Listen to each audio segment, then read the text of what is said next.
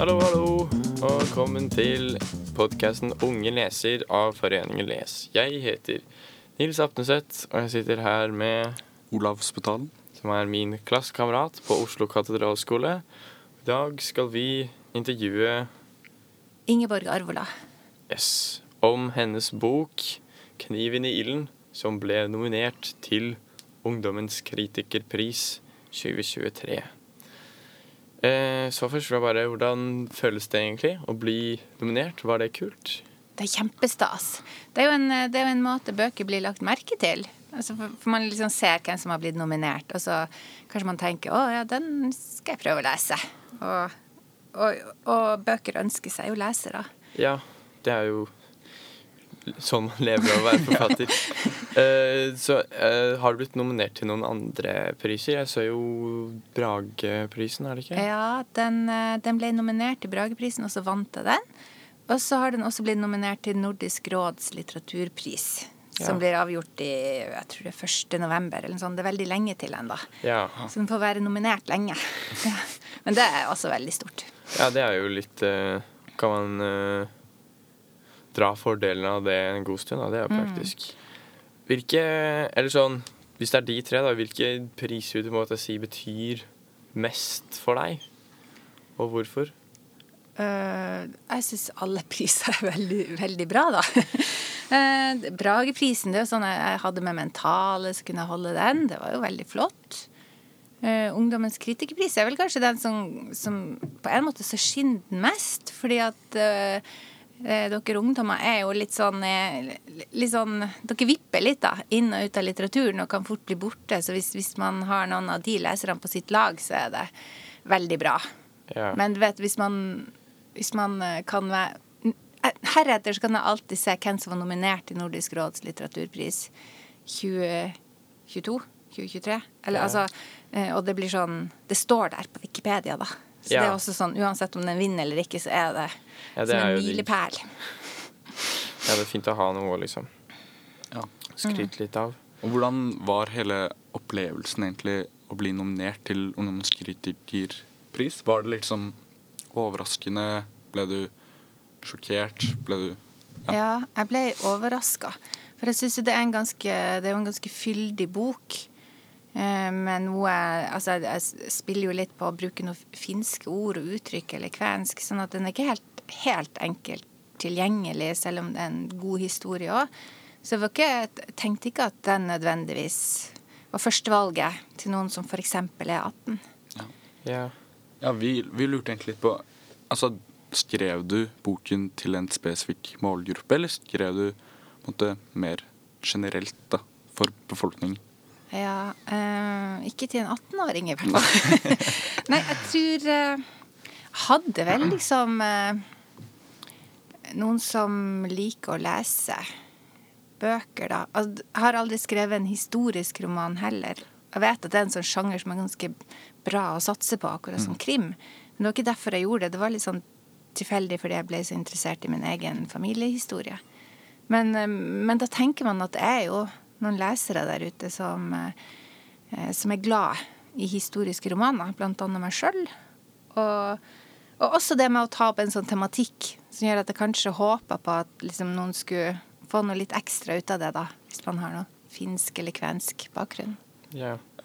Eh, men eh, når du sier at du ikke skrev sånn med noen i tankene, er det noen du allikevel blir um, ekstra glad for positive tilbakemeldinger fra? Sånn Hvem er det du måte er mest opptatt av at skal like boken din? Er det liksom familien din, eller er det noen spesielle venner du har, eller grupper i samfunnet, eller Ja, Noe sånt? Altså, jeg er en av de forfatterne som har vært forfatter i 20 år, og som skriver gode bøker. Jeg har fått masse bra anmeldelser og priser innimellom, og arbeidsstipend og sånn. Men jeg har ikke hatt mange lesere, sånn i forhold til de som selger bøker. Så jeg har egentlig sånn skrytt motsatt av at jeg kanskje har syv lesere, eller ja, hvem er leserne dine, Ingeborg Arvela? Og så, si, ja, så begynner jeg å telle dem på én hånd. Ja. Eh, så, så det er og så- Men så har jeg vært fornøyd med det, da. For jeg har jo liksom fått til å gi ut én bok til og én bok til. Så jeg har vært ganske stolt av meg sjøl, og helt komfortabel med å ikke Ja. være en bestselger. Så det er mer det der med, med å plutselig få mange lesere. Det er, det er jo veldig stas. Og da, da, er det sånn at noen kan komme bort til meg på bussen eller ringe til meg, eller, og akkurat hvem eller hvorfra de ringer, eller si noe av det. Jeg tror ikke det er så viktig. Men å få lov til å ha en bok som mange blir glad i, på andre måter enn jeg er glad i den, det, det er jo veldig, veldig fin ting med å være forfatter, da. Ja. Ja. Hvis du ikke liker boken, hadde du gitt den ut da? Hvis Ja. du tenkte at mange folk kom til å Eller fordi sånn Du sier jo at du skriver bøker, men hvis du ikke hadde likt det selv, hadde du Tror du du hadde gitt ut en bok da, hvis du tenkte at mange andre folk kom til å like den? Det er vel et bra spørsmål. Eh, Jeg har jo, jeg har jo stort sett skrevet ting som jeg liker. Ja, det Eh, gir vel mest liksom, ja. mening. Men, men altså for eksempel så jobber jeg mye med en roman som het 'Grisehjerter'. Og Da hadde jeg veldig lyst til at den skulle bli på en spesiell måte. Og litt sånn tjukk og litt som uh, 'Samene er mindre aleine'. Eh, og så, så fikk jeg det ikke til, så i løpet av prosessen så hadde jeg jo skrevet kanskje 150 sider for mye, og den var blitt ganske kjedelig. Og da var redaktøren min sa sånn, ja, enten må du kutte 150 sider minst, eller så tror jeg ikke det her blir noe roman. Eh, Og da greide jeg å gjøre det der enorme kuttet, så den, så den endra jo form, og det ble en ganske ok roman. Men, men eh, det er jo ikke den beste boka jeg har skrevet, så det er litt sånn interessant. Hadde jeg vært en mer selvkritisk forfatter, som er liksom på jakt etter de feile ordene og sånn, så ville jeg nok ikke gitt den ut. Ja. Mens jeg for min del var ganske sånn fornøyd over å greie det igjen. Fordi at uh, bare det å få gitt ut en bok, da man lærer jo noe hver gang, og så tjener man litt penger selv om man ikke selger bøker. Ja. ja. ja, men det er jo positivt. Man må jo Ja. Og du snakket jo om på kritikerprisen, var det vel? Det der da, at du ikke får skrivesfære, men bare skriver masse. ja. Så det høres jo egentlig ut som en grei tilnærmingsmetode. I hvert fall når jeg eh, sitter på skolen og prøver å skrive et eller annet og ikke aner hva jeg skal si, så syns jeg det din eh, utvei høres ut som en bedre idé. Jeg syns alle er litt for kritiske med seg sjøl, da. Og så vet man jo ikke Det er jo ikke alt man vet i tankene sine om hvordan noe blir. Alt har liksom en utvikler seg i en eller annen retning. Så hvis har dere hørt om han eh, Miyazaki som lagde de første Studio Ghibli-filmene? De tegnefilmene. For han er, han er jo veldig på lag med fantasien og altså, altså bare det å skape noe i seg sjøl. Og så så sa han ja, OK, så sitter du der og tenker at du skal skrive om et tre. Hvis du da bestemmer alt om historien din når når du begynner å skrive, så har du ødelagt for deg sjøl. Fordi at du vet egentlig ikke hva du skal skrive om det treet, for det er mange retninger. Kanskje skal du skrive om noen mikroskopiske folk som lever på blader på trærne, eller kanskje skal du skrive om hele treet som begynner å leve. Altså, det er så veldig mange perspektiver man kan ha. Så, man, så hvis man har liksom stengt av med fornuften, eh, så, så mister man masse muligheter. Så hvis man greier å være litt sånn fri og tørre litt forskjellige retninger, så må man jo regne med at noe blir feil, men av og til så blir noe bra. Og hvordan Eller sånn Ja, det virker jo som du skriver litt sånn Du bare skriver, og så ser du hvor det går. Men hvordan funker det med en um, historisk roman? For da må du jo på en måte holde deg litt til uh, det som faktisk har skjedd, da. I hvert fall. Ja, det er, det er en kjempefordel å ha noen rammer.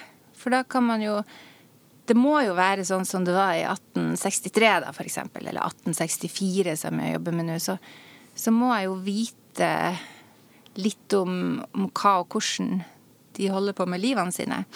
Og så er det i Nord-Norge som må ta hensyn til mørketida. Eksempel at det er veldig mye mørketid. Yeah. Og da går det ikke rundt på tur og møtes på stien i skogen. Eller altså sånn eh, og jeg syns de rammene gjør jo at man kan være mer fri innafor de rammene. Så det er vel, jeg har hatt stor glede av det, i hvert fall. Så, så hvor historisk nøyaktig har Knivnilden vært? Er det altså, som du sier, at du har rammer, og så fyller du inn der du ikke vet så mye, eller er det um, veldig historisk nøyaktig? Den er veldig historisk nøyaktig. Men jeg, noe som jeg liker minst med historiske romaner, er når forfatteren har lært seg veldig mye om f.eks. 1859, og så skriver man sånn 10-20 sider om alt man vet, fordi man føler at det må med, for det er så viktig. Eh, Da syns jeg at det har vært smart når jeg ikke har gjort det, da. For jeg har lært meg masse om 1859, men at det på en måte bare ligger litt sånn i, i bakgrunnen. Men, eh, men alle de Jeg tror alle de tallene, årstallene og hendelsene som blir nevnt, er jo faktiske. Så har jeg kanskje flytta litt sånn fram og tilbake på akkurat årstall for at det skulle passe med, med hvor min hovedperson er. Ja. Men fordi, eller sånn, hvor mye er det du For du, har, du sa jo at du hadde lest sånne der, eh, kirkebøker med hvem som ble gift og hvem som døde og Men hvor mye er det egentlig derfra? For det virker jo ikke som en kultur der man liksom skriver ned eh, absolutt alt som skjer. Nei, det er de skriftlige kildene, som f.eks. en kirkebok eller rettspapirer. Det finnes jo det skriftlig materiale. Og så er det sånn eh, alt om når man eh, når, man gikk opp grensa, f.eks., og hvordan den ble mer og mer eh, liksom håndhevd, at man ikke skulle krysse den i tid og utvide. Det er skriftlige dokumenter. Og så er det jo også sånn på en måte sekundærskriftlige dokumenter, er historikere og språkkyndige folk som har liksom undersøkt området og tida. Ja. Det er jo skriftlige kilder. Men så er det også eh, det som de kaller det i eh, de her bygdebøkene og litt sånn andre typer bøker, så er det sånn eh, muntlige overleveringer, vil man vel kalle det. At tradisjonen sier ditt, og tradisjonen sier datt. Eh, Så bruker jeg det også. Og tenker på det som en, som en kilde. Så er det på en måte Er det, er det spesifikke deler av boken som er sånn Dette her er 100% og dette her er ikke 100 Eller er det mer litt sånn flytende Altså sånn når det kommer til eh, om det er en Om det har faktisk skjedd eller ikke. Eller er det bare sånn at det er flytende, litt sånn Det er halvveis skjedd gjennom hele, hele boken. Nei, altså det meste av de, de tidspunktene som er viktige for hovedhistoria og, og alt av sånne faktiske historiske lover og regler, det er, det er bare helt bestemt og ekte. Sånn at eh, den datoen når de på en måte uh, blir straffedømt, så er det akkurat den datoen som finnes på ordentlig. Men så er det andre ting som hvordan de bosetninga var i Neiden, langs den Neidenelva. Så, så møter hun på en gammel kjenning i Øvre Neiden. Men akkurat i 1859 så hadde ingen begynt å bo i Øvre Neiden. Så det er jo veldig glidende. Fordi Ja. at det kan ha vært noen som har begynt å tenke på å bosette seg der, men som ikke har liksom, fått et skjøte. Så det er ikke tidsangitt. Ja. Så der er jo Da vil jeg si at det er litt glidende. Ja, fordi det virker jo ikke som det er liksom super uh, uh, godt organisert alle sammen. Og de driver jo og irriterer seg over hverandre når de går til politiet istedenfor å fikse opp eh, problemer med seg selv. Så jeg kan ikke se for meg at det er sånn alt er 100 skrevet ned. Og at man vet alt da, om det som står der. Så det gir jo mening. Men eh, eller hun har jo I boken har hun jo varme hender. Som, så det er liksom sånn magi. Eh, hva, eller, hva er ditt forhold til det?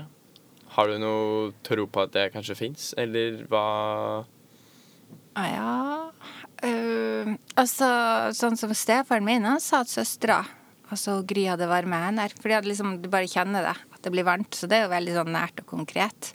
At noen, det er noen som har det, da. tenker Jeg, jeg har ikke møtt noen med varme hender som har hjulpet meg. Fordi at det er vel, hvis du har vondt et sted, så blir det hjulpet. Så, så jeg er ikke sånn at jeg er så veldig opptatt av det sånn personlig. Men eh, så leste jeg jo veldig mye Jeg begynte jo å lese mer og mer om tid og folk og sted. Og så er det veldig mye sånn sagn og overtro i Nord-Norge, også sånne overleveringer. Sånn at det der med, med varme hender og også å stoppe blod, det var sånn Det ble jo nevnt overalt. Det var liksom alltid noen i de bygdene og de forskjellige tidene som hadde det, og så visste man hvem det var. Så, eh, så det var noe viktig for dem, Ja, tenker jeg. ja at det var en sentral del av eh, infrastrukturen med varme hender-mennesker. Ja. ja, det var litt langt til, eh, til, til legevakta og sykehus. Ja. Så de brukte det de hadde. Ja. Ja, jo, man gjør jo det. Og Har du en eh, Kanskje litt sånn ja, Apropos, har du en uh, favorittbok eller forfatter? Litt sånn off topic, men bare Ja. Ja. Uh, jeg har en favorittbok, sånn alltid det 'Ringenes herre', av Tolkien. Men, uh, men jeg leste veldig mye Tolkien da, siden jeg var så opptatt av han hadde en gang tenkt å skrive sånn Det heter vel master. Nå, men det var hovedfagsoppgave før. Så da leste jeg alt mulig av han, så han er ikke min favorittforfatter. For det er liksom 'Ringenes herre' og 'Hobbiten' som jeg syns er veldig bra av han. Ja. Så av forfattere så kanskje litt mer eh, nutidige som eh, Det er ei som heter Margaret Atwood, en kanadisk forfatter som skriver veldig bra. Så er det en amerikansk forfatter som heter George Saunders, som også er litt sånn Skriver skikkelig sprøtt, men også veldig bra. Ja. ja, og så Eller sånn, du skrev masteroppgave om Tolkien. Var det Eller sånn Når jeg begynte på det, Ja. så, så ble jeg forfatter. Ja. Jo, det er jo Apropos ja, forfatter. Eh, visste du at du ville bli forfatter når du var liten, eller hadde du andre planer? Jeg tror jeg hadde andre planer. Eh, Jeg hadde tenkt å bli ridelærer. Eller profesjonell sprangrytter. Eller dyrelege. Og, så, og så kom liksom den ungdomstida, og da vet jeg ikke helt hva jeg tenkte på. Og så gikk det liksom bare masse år med surr og vas. For, for eksempel så slutta jeg med hester, for jeg hadde tenkt å bli politisk aktiv. Og så syns jeg det med politikk ble veldig kjedelig. Eller så det handler egentlig bare om å argumentere hverandre i senk. Ja. Det har jeg ikke så mye Altså, jeg, bare, jeg er ikke så flink til det. Jeg har ikke lyst til å vinne en diskusjon. Jeg får ikke så mye ut av det. Så da ble, så ble det bare sånn Så blir man bare ung voksen en periode. Men da En eller annen dag så tenkte jeg at å, jeg skal skrive en roman. Det var sikkert litt fordi at mora mi skriver dikt. Så hun har alltid jobba med tekst og elska bøker. Og hun hjalp meg også veldig mye med, med den der den første romanen jeg prøvde å skrive. Og det var jeg vel 18, så omtrent på deres alder. Eh, Så, så liksom ved hennes hjelp så greide jeg å få det til å bli et manus som jeg sendte inn til forlag. Og så, og så eh, fikk jeg eh, Det heter konsulentuttalelse og brev fra forlagene, og det er ganske vanlig å bare bli avslått. Men eh, de konsulentuttalelsene de var litt sånn Ja, her er det mye bra. Det kan veldig fantasirikt og litt originalt. Men det var sånn Det her blir aldri en roman. Så lykke til videre. Ja. Og det, jeg husker hvor- glad og stolt jeg ble. over de.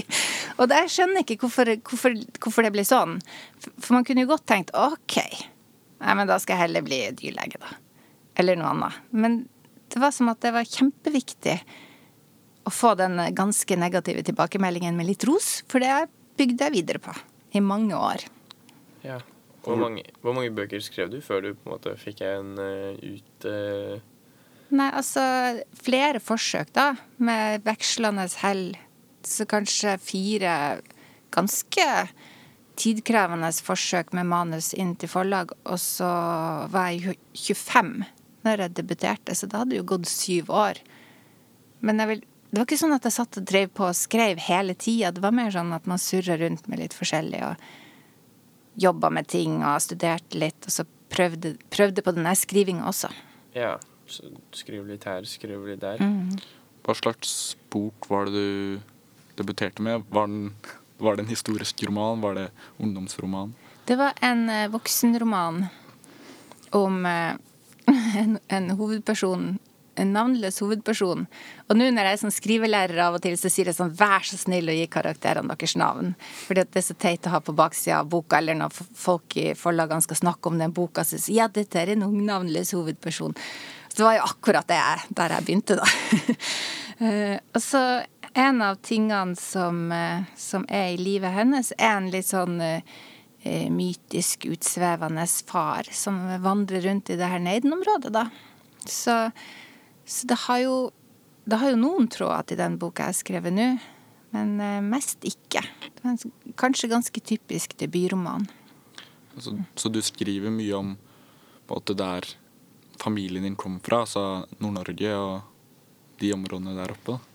Jeg er i hvert, i hvert fall innom det jevnt og trutt. Jeg tenkte at den, når jeg hadde, sk jeg hadde skrevet om faren min i den boka, tenkte jeg. Så jeg trengte ikke å skrive om akkurat det mer. Så, men jeg har jo vært innom det igjen og igjen. Ja. Ja, føler du Eller sånn, fordi du bor jo i Oslo. Mm.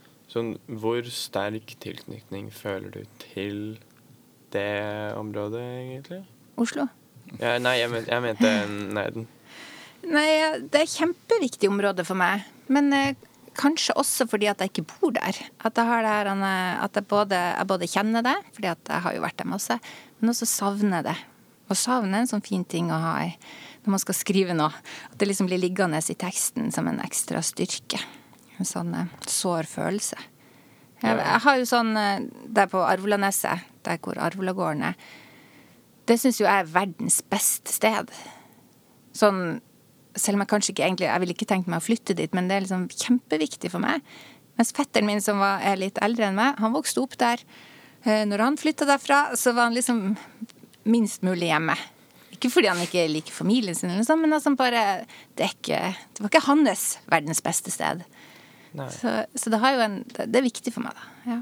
Ja, ja, for du bor jo her, så hva er på en måte Eller hvorfor, hvorfor bor du her da? Ja, hvorfor bor her? Det er sånn eh, Veldig mange opplever at man flytter til Oslo av en eller annen grunn. Kanskje man skal utdanne seg, eller noe sånt, og så blir man bare boende. Litt sånn ut av Fordi man ikke har noe bedre plan. Og så begynner man å få unger, og så får de venner, og så blir man kjent med en skole og et område, og så blir man mer og mer knytta til det stedet man bor. For jeg er jo veldig knytta til bydel Bjerke også nå. Ja. Ja. man blir jo det hvis man ikke passer på. Ja. Storbyen suger deg inn. ja. Ja. Men eh, når, du, når du skrev, eller sånn når, I denne perioden der var du fra 18 til 25, hadde du Hadde du da fortsatt en plan om å være forfatter, eller var det litt sånn der du bare skrev på siden når du ikke hadde noe bedre å gjøre? Jeg tror jeg, tror jeg tenkte at jeg skulle skrive en skikkelig bra roman og bli veldig kjent. Selge masse bøker fordi at jeg hadde noe som ingen andre hadde, da. Um, men altså, hvorfor jeg tenkte sånn, det må du ikke spørre meg om. Det var sånn bare litt sånn positivt innstilt, da. Ja, ja så det var egentlig bare sånn Du, du skulle bare skrive en god bok. Det var ikke noe mer hadde vel lyst til å gi ut en bok. Men det er jo ikke sånn at man kan tenke at nå er man forfatter når man har gitt ut en bok. Så må man jo prøve å få gitt ut neste bok.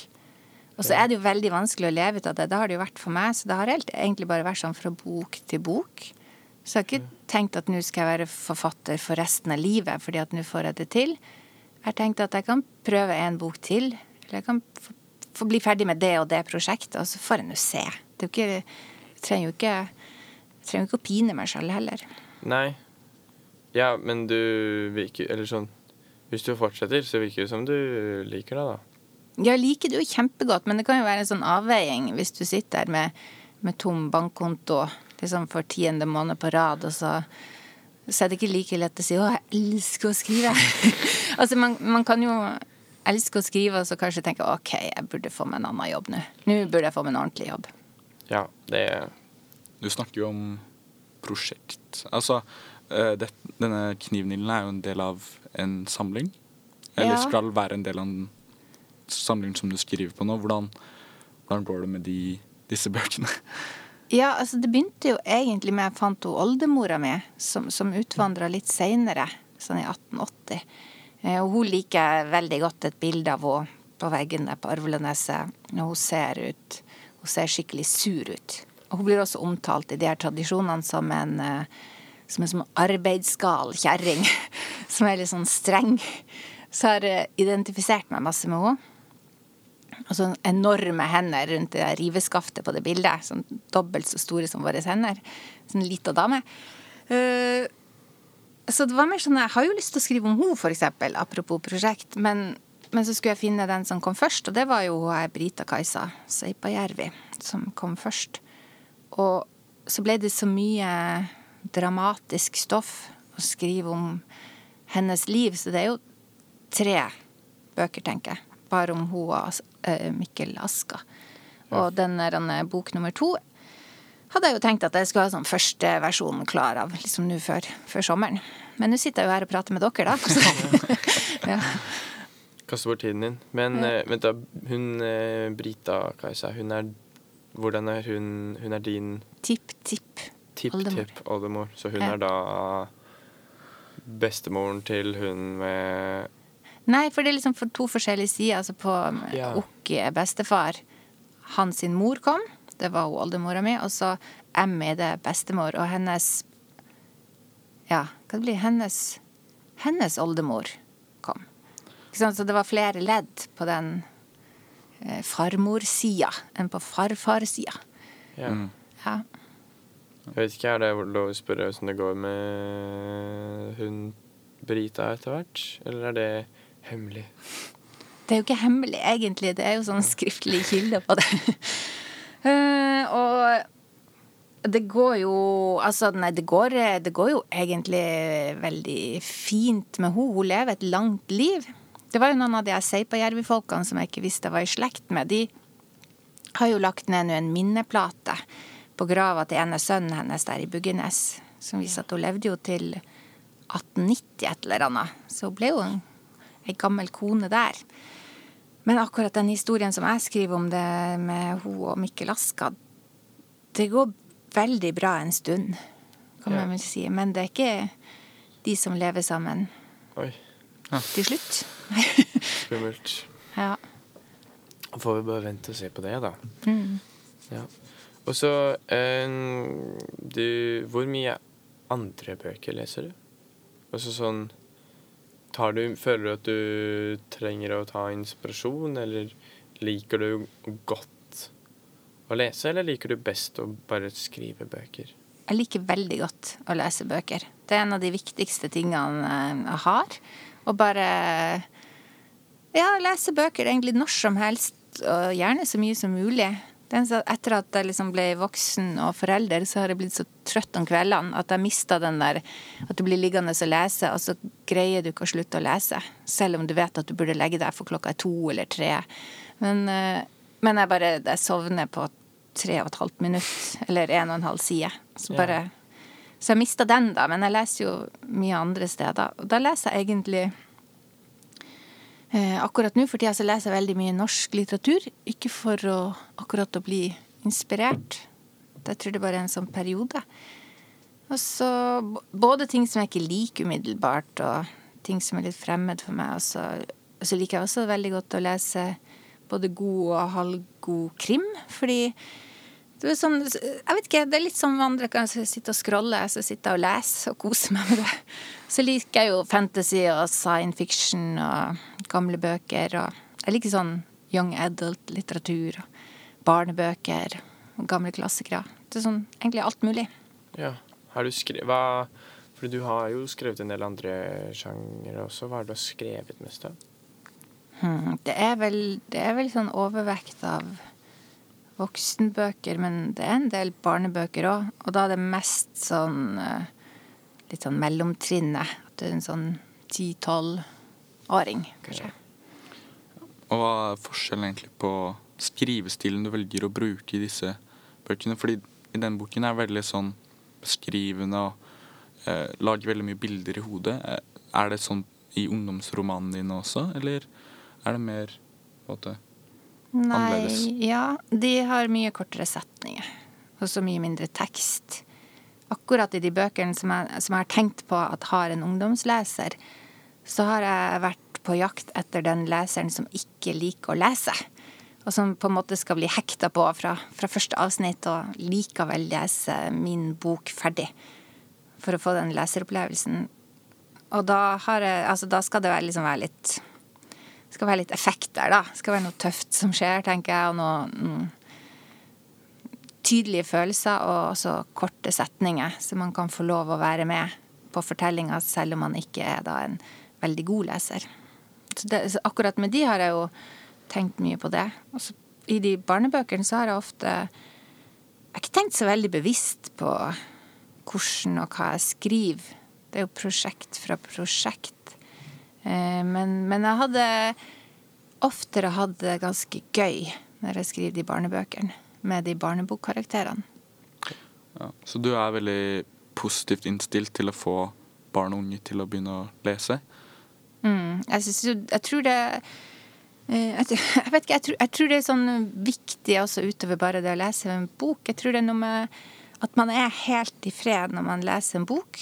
Fordi hvis du sitter og ser på noe, så er det jo kanskje noen som, er, som ligner deg eller ikke ligner deg på et vis, og så, så, så vurderer du deg sjøl ut ifra det du ser. Så det er ikke sånn at jeg er totalt imot at man skal sitte og scrolle på ting på telefonen, men, men når du leser, så lager du bare dine egne bilder uh, som bare du kan lage. Sånn at hvis eh, vi tre hadde lest samme bok, så hadde vi Ja, vi hadde lest samme bok, men samtidig ikke. For vi hadde hatt våre, våre egne forestillinger og hvordan de forskjellige ordene gjorde inntrykk på oss.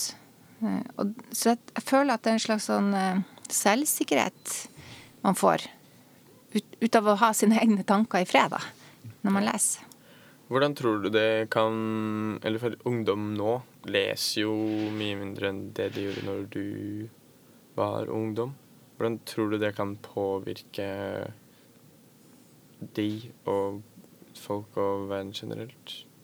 Har du noen tanker om det? Mm, ja, altså Jeg tenker jo at uh, unge på en måte leser mye òg, da. Altså, forskjellige ting som man sitter og leser på, på telefonene. Altså, sånn, det er jo et pluss at når man ser mye sånne YouTube-kanaler òg, at man lærer mye engelsk. Eh, men, men også den engelsken kommer jo og tar over noe av språket, da. Så man kan vel bli mer og mer sånn anglifisert. Eller anglofisert, kanskje. Eh, og så tror jeg det er bare Altså, det er veldig viktig å bli et menneske i verden. Du øh, Jeg vet jo sånn cirka hva jeg kommer til å utrette og gjøre og ikke gjøre, for jeg er snart 50. Mens eh, når man er ung og barn og ungdom, så, så har man jo hele livet foran seg. Og det er faktisk utrolig mye man kan ende opp med å gjøre og bidra med. Og da må man ha en slags eh, tro på at det går an. Og at man, er, at man er et viktig menneske, uansett hvem man er. At man har noe å bidra med. Og, og hvis man bare sitter og liksom følger strømmen og får de samme impulsene som alle andre, og det blir veldig sånn det, det visuelle, da. Tenk at det, det kan være litt eh, Om ikke skadelig, så, så blir man litt sånn ensformig, da. Eller litt like, uten at man tenker over det. Ja. Nå Dere er jo ikke så like, da. Nei. Dere er jo ikke det.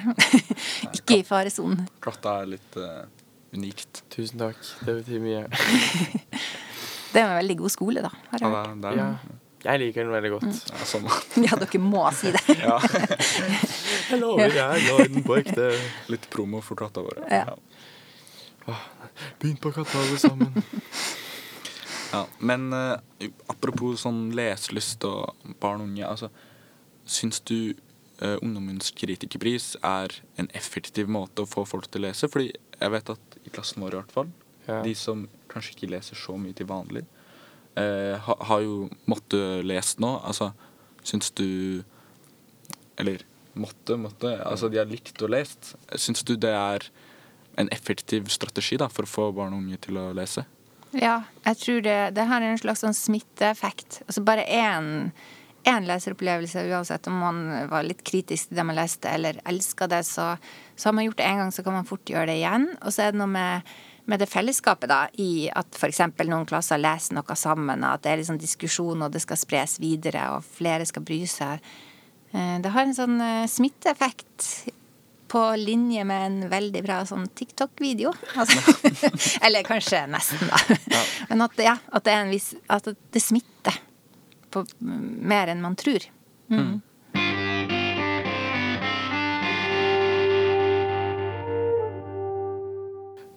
Nå er dette kanskje litt sånn off topic, men jeg føler Eller hvordan er um, på en måte mentaliteten din når du eh, er nettopp ferdig med å skrive en bok? Er det, er det sånn at du har veldig lyst til å starte på neste bok, eller er du på en måte litt sånn sliten? Ja, det er sikkert litt sånn både og. Det er jo ofte at man eh, skriver på flere ting samtidig. Fordi at det er litt sånn eh, perioder hvor man skal skrive gjennom det hele, så kanskje man skal gi det til en redaktør eller andre lesere, og så går det en måneds tid. Og da gjør man jo noe annet, hvis man ikke bare sitter og later seg. Så er det i hvert fall eh, veldig ofte at jeg skriver på forskjellige prosjekter. Sånn, så sammen med den her eh, Kniven i ilden, så skrev jeg jo også på Buffy bybok nummer fire. Jeg tenkte sånn, Da må jeg bli ferdig med den, så skal jeg begynne å jobbe for fullt med Kniven i ilden, og så skal den sendes inn, og da skal jeg jobbe videre med tilbakemeldinger på Buffy bybok nummer fire. Så jeg er ganske vant til å sitte sånn og, veksle. Eh, men det, det, kan bli ganske dårlig òg, da. Altså den, den, første versjonen til Buffy bybok nummer fire, den ble fryktelig utholdelig. Og redaktøren ble skikkelig skuffa. så, da, så, så, da ble jeg mer sånn Jeg fikk den mailen fra oss, tenkte jeg ja, jeg var ikke klar over at du skulle bli så skuffet, skrev jeg tilbake, for å bli litt lei meg, da. Men, men, så så jeg jo det etterpå, at jeg greide ikke Jeg, greide, jeg hadde ikke liksom samme liksom, hjerte og glede av å, av å skulle skrive den historien, fordi at den Kniven i ilden-historien er veldig spennende. Ja. Så den liksom bare Den trumfa den andre boka akkurat der og da. Men så, så når da, da var ferdig med kniven i ilden, og det gikk litt tid, så kunne jeg jo ta det fram, og så kunne jeg jo se Ja, det var ganske dårlig. Men samtidig så kunne jeg tenke på altså Jeg kunne jo ta tilbakemeldingen med meg videre. Altså, altså det, det, gode var der jo òg. Det var bare liksom slått i hjel av, av en forfatter som gikk litt sånn på tomgang. Så da kunne jeg jo glede meg mye over å få lov å gjøre den boka bedre, og så ha tid til det. Så da var jeg liksom takknemlig for å ikke ha den kniven i ilden-jobben å gjøre. Så da var jeg mest sånn takknemlig for å kunne ta tak i det som jeg visste var litt dårlig, og så, og så jobbe videre med det. Ja, for eh, hva Eller sånn eh, man Burde man være god på å ta kritikk hvis man skal være forfatter? For det, eller sånn, for meg personlig virker det litt sånn strengt hvis jeg skal eh, liksom tømme sjela mi inn i et prosjekt, og så skal noen være sånn 'Beklager, dette her er ganske dårlig, faktisk'. det, sånn, det, det, virker litt sånn tungt, da, hvis du får eh, Og de fire første bøkene syns jeg virker sånn mm. jeg, tror, jeg, tror, ikke jeg hadde orket det, på en måte. Nei, men det er jo bra at du ikke blir forfatter. Nei, jeg tror jo at en av de største fordelene mine er at jeg tar kritikk bra. Jeg tenker OK, men da kan jeg bare stryke det, da. Eller da kaster jeg det bare. Og så går jeg videre. Eh, det er vel fordi jeg, jeg tror ikke Altså, som, som når vi snakker om lesing, så, så, leser man på forskjellig måte. Så en forfatter er jo bare én person med et blikk på en tekst. Så kan man sitte og føle at man har tømt ut sjela si, eller at man skriver alt det som er viktigst om den fortellinga. Eh, men kanskje samtidig har man holdt litt igjen.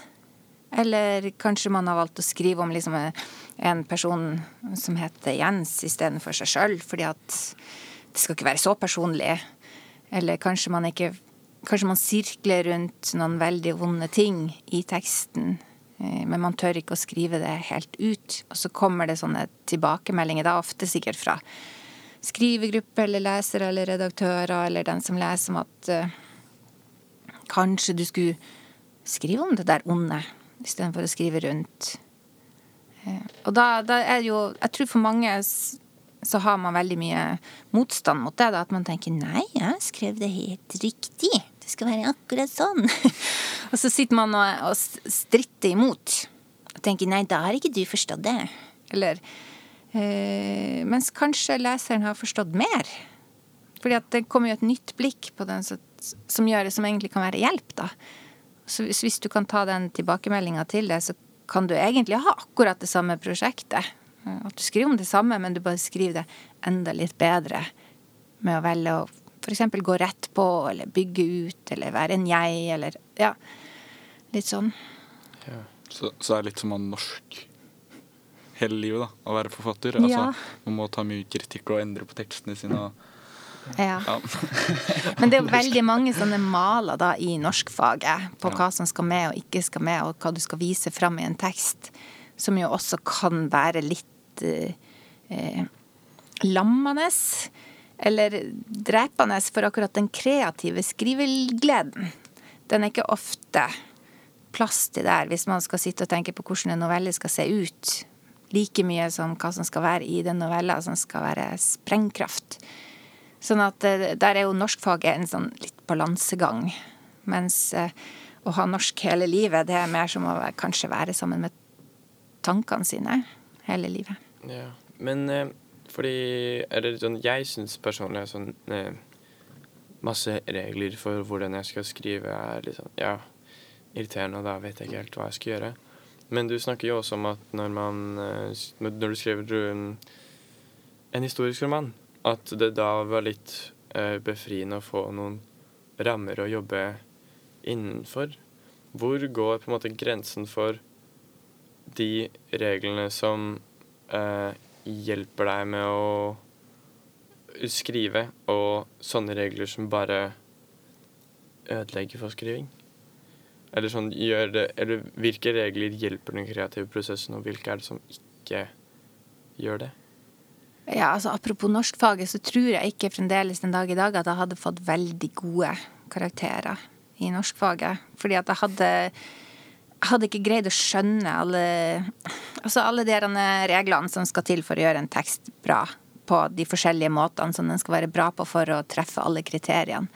Det er som at, ikke, at jeg ikke greier å å se det. Men liksom, jeg tror det der med rammer i forskjellige tekster og prosjekter, det er litt eh, litt fra gang til gang. Altså blitt- blitt invitert til å skrive essay eller noveller i forskjellige sjangre eller ting, og det har alltid vært eh, veldig gøy. Eller eh, liksom Det har gitt meg noen helt nye tanker som jeg ikke ville fått til å tenke uten den invitasjonen eller, eller den ramma. Mm, Men altså, jeg jobba en periode som sånn manusforfatter på barne-TV. Eh, og det å være en forfatter for seg sjøl, og det å være en manusforfatter og jobbe med liksom, ting som skal bli film eller serie, eller noe sånt, det er to veldig forskjellige ting. Eh, det er som å sitte og jobbe alene på skolen, eller å være i et, eh, en gruppe, sånn arbeidsgruppe, som skal lage noe sammen. Eh, Og det, jeg er ikke så veldig god på å være i en gruppe, da. For der, det er jo ikke akkurat ramme som kanskje var problemet, men det er det at man har veldig mange forskjellige viljer på hva som skal med, eller hvordan noe er gøy. Eller man bare skjønner hva som ville være bra å produsere som, som TV, som en forfatter ikke nødvendigvis skjønner. Så i hvert fall så trodde jeg at jeg var kjempegod til det òg, men jeg syns at det var skikkelig vanskelig eh, å godta at, eh, at man var en gjeng, da. At man f.eks. er fem stykker som skal lage en tekst istedenfor én. Og at det er veldig bra at man er fem. Det, det skjønte jeg ingenting ut av. Ja, det kan jo Har vi sett noen av seriene dine? Ja, det, jeg, jeg jobber på Kometkameratene, da, og dere er jo nesten sånn at dere kanskje så Kometkameratene på NRK Super. Å, jeg tror jeg, Eh, jeg lurer på om jeg husker den interessante. Kometkameratene. Ja, Ja. ja, ja, ja. Så, så da var vi jo liksom alltid to eller tre sånne manusforfattere som måtte jobbe med alle de som jobber i redaksjonen. Så det er veldig annerledes måte å jobbe på. Ja. Ja det er kult. Mm. Det er kult. Fun fact. Ja. Hva gjør du når du ikke er forfatter? Eller når du ikke skriver på en bok? Jeg gjør veldig sånne eh, vanlige ting. jeg er veldig masse sånn den som lager middager, eller passer på at ungene kommer seg på trening, eller kjører til en basketkamp, eller går tur med hund, eller husker på å forhandle. Altså sånn veldig mye sånn eh, organisatorisk på hjemmefronten.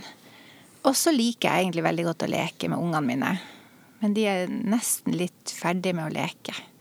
Og så hører jeg av og til om folk som har veldig stilige hobbyer. Altså som mora til stesønnen min driver med paragliding. Det høres jo ganske fint ut. og så har jeg ikke egentlig noe sånn hobby som er kul. Men jeg har en hund med syndrom i øret, sånn at jeg faktisk renser øret hans et kvarter hver dag. Så jeg har, sånn, jeg har en sånn ørevokshobby, da. At jeg drar ut ørevoks av det øret hans for at det ikke skal ramle inn i ørekanalen hans og stenge den igjen så han blir betent. Så man kan jo si det, da. Det sånn Samle på ørevoks. Ja. Mm. Ordentlig gøy. Mm. er det, er det noen ganger du må jobbe? Eller sånn, hvis du, hvis du ikke har eh, gitt ut en bok, eller den forrige ikke gikk så bra, er det noen ganger du må på en måte jobbe? Tjene penger? Ja. mm. Jeg tenker faktisk uh, Pussig nok at alt som jeg har gjort siden jeg debuterte, og valgte å satse på det, har vært på en måte forfatterrelatert. Sånn, men da tenker jeg jo av og til jeg er på sånne DKS-turneer. Skolesekken, at man er forfatterbesøk. Ja. Det er jo en jobb som man egentlig tjener veldig bra på. Men det er ikke den jobben jeg har tatt fordi at jeg ikke greide å være forfatter. Den henger sammen med, med å være forfatter, og jeg lærer mye ut av det. Og jeg kunne egentlig vært enda mye mer på sånne DKS-oppdrag Ja, hvis jeg hadde villet. Men, men det er jo en måte å tjene penger på.